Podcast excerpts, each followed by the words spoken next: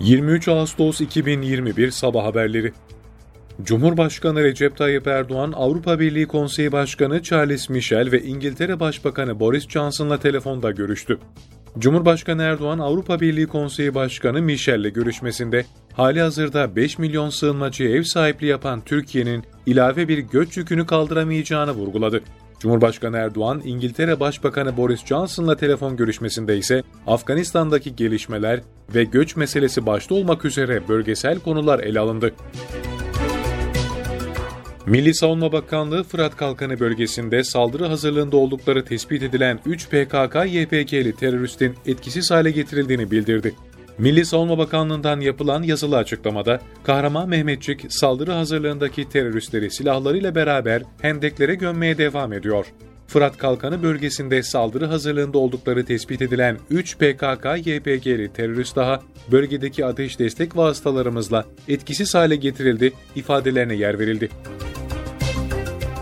Türkiye'de dün 265.196 COVID-19 testi yapıldı, 18.622 kişinin testi pozitif çıktı. 206 kişi hayatını kaybetti. İyileşenlerin sayısı ise 13.263 oldu. Sosyal medya hesabından günlük tabloyu paylaşan Sağlık Bakanı Fahrettin Koca, hafta sonu vaka sayılarında beklediğimiz düşüşler gerçekleşmedi.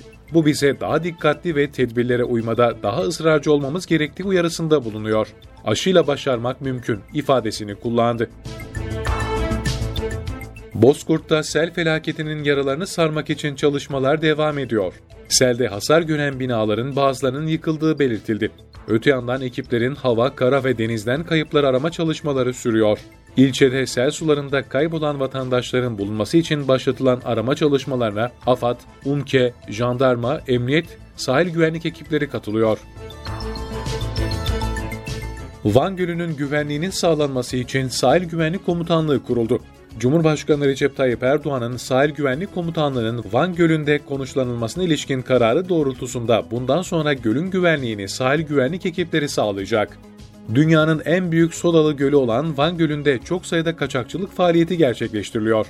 Van Gölü'nde kalıcı şekilde konuşlanan sahil güvenlik, özellikle düzensiz göçle mücadele başta olmak üzere her türlü yasa dışı faaliyetlerle etkin biçimde mücadele edecek.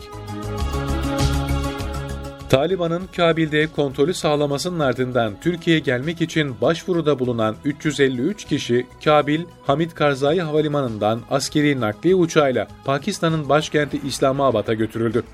İslamabad'daki havalimanından Türk Hava Yolları'na ait uçağa aktarılan 16'sı bebek 357 yolcu, TK 6883 sayılı sefer sayılı uçakla İstanbul'a getirildi.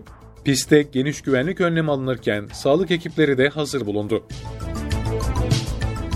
Afganistan'ın Bağlan viyaletinde 3 ilçenin kontrolü Taliban'dan eski yönetime bağlı güçler ve yerel gruplara geçti.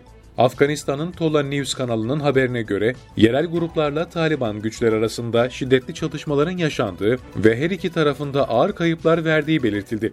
Çatışmalar sonucu başkent Kabil'in kuzeyindeki Bağlan viyaletine bağlı Pülehisar, Dehsalah ve Andarah ilçelerinin kontrolünün eski yönetime bağlı güçler ve yerel gruplara geçtiği bildirildi. Üç ilçede ağırlıklı Tacikler olmak üzere yaklaşık 100 bin kişi yaşıyor.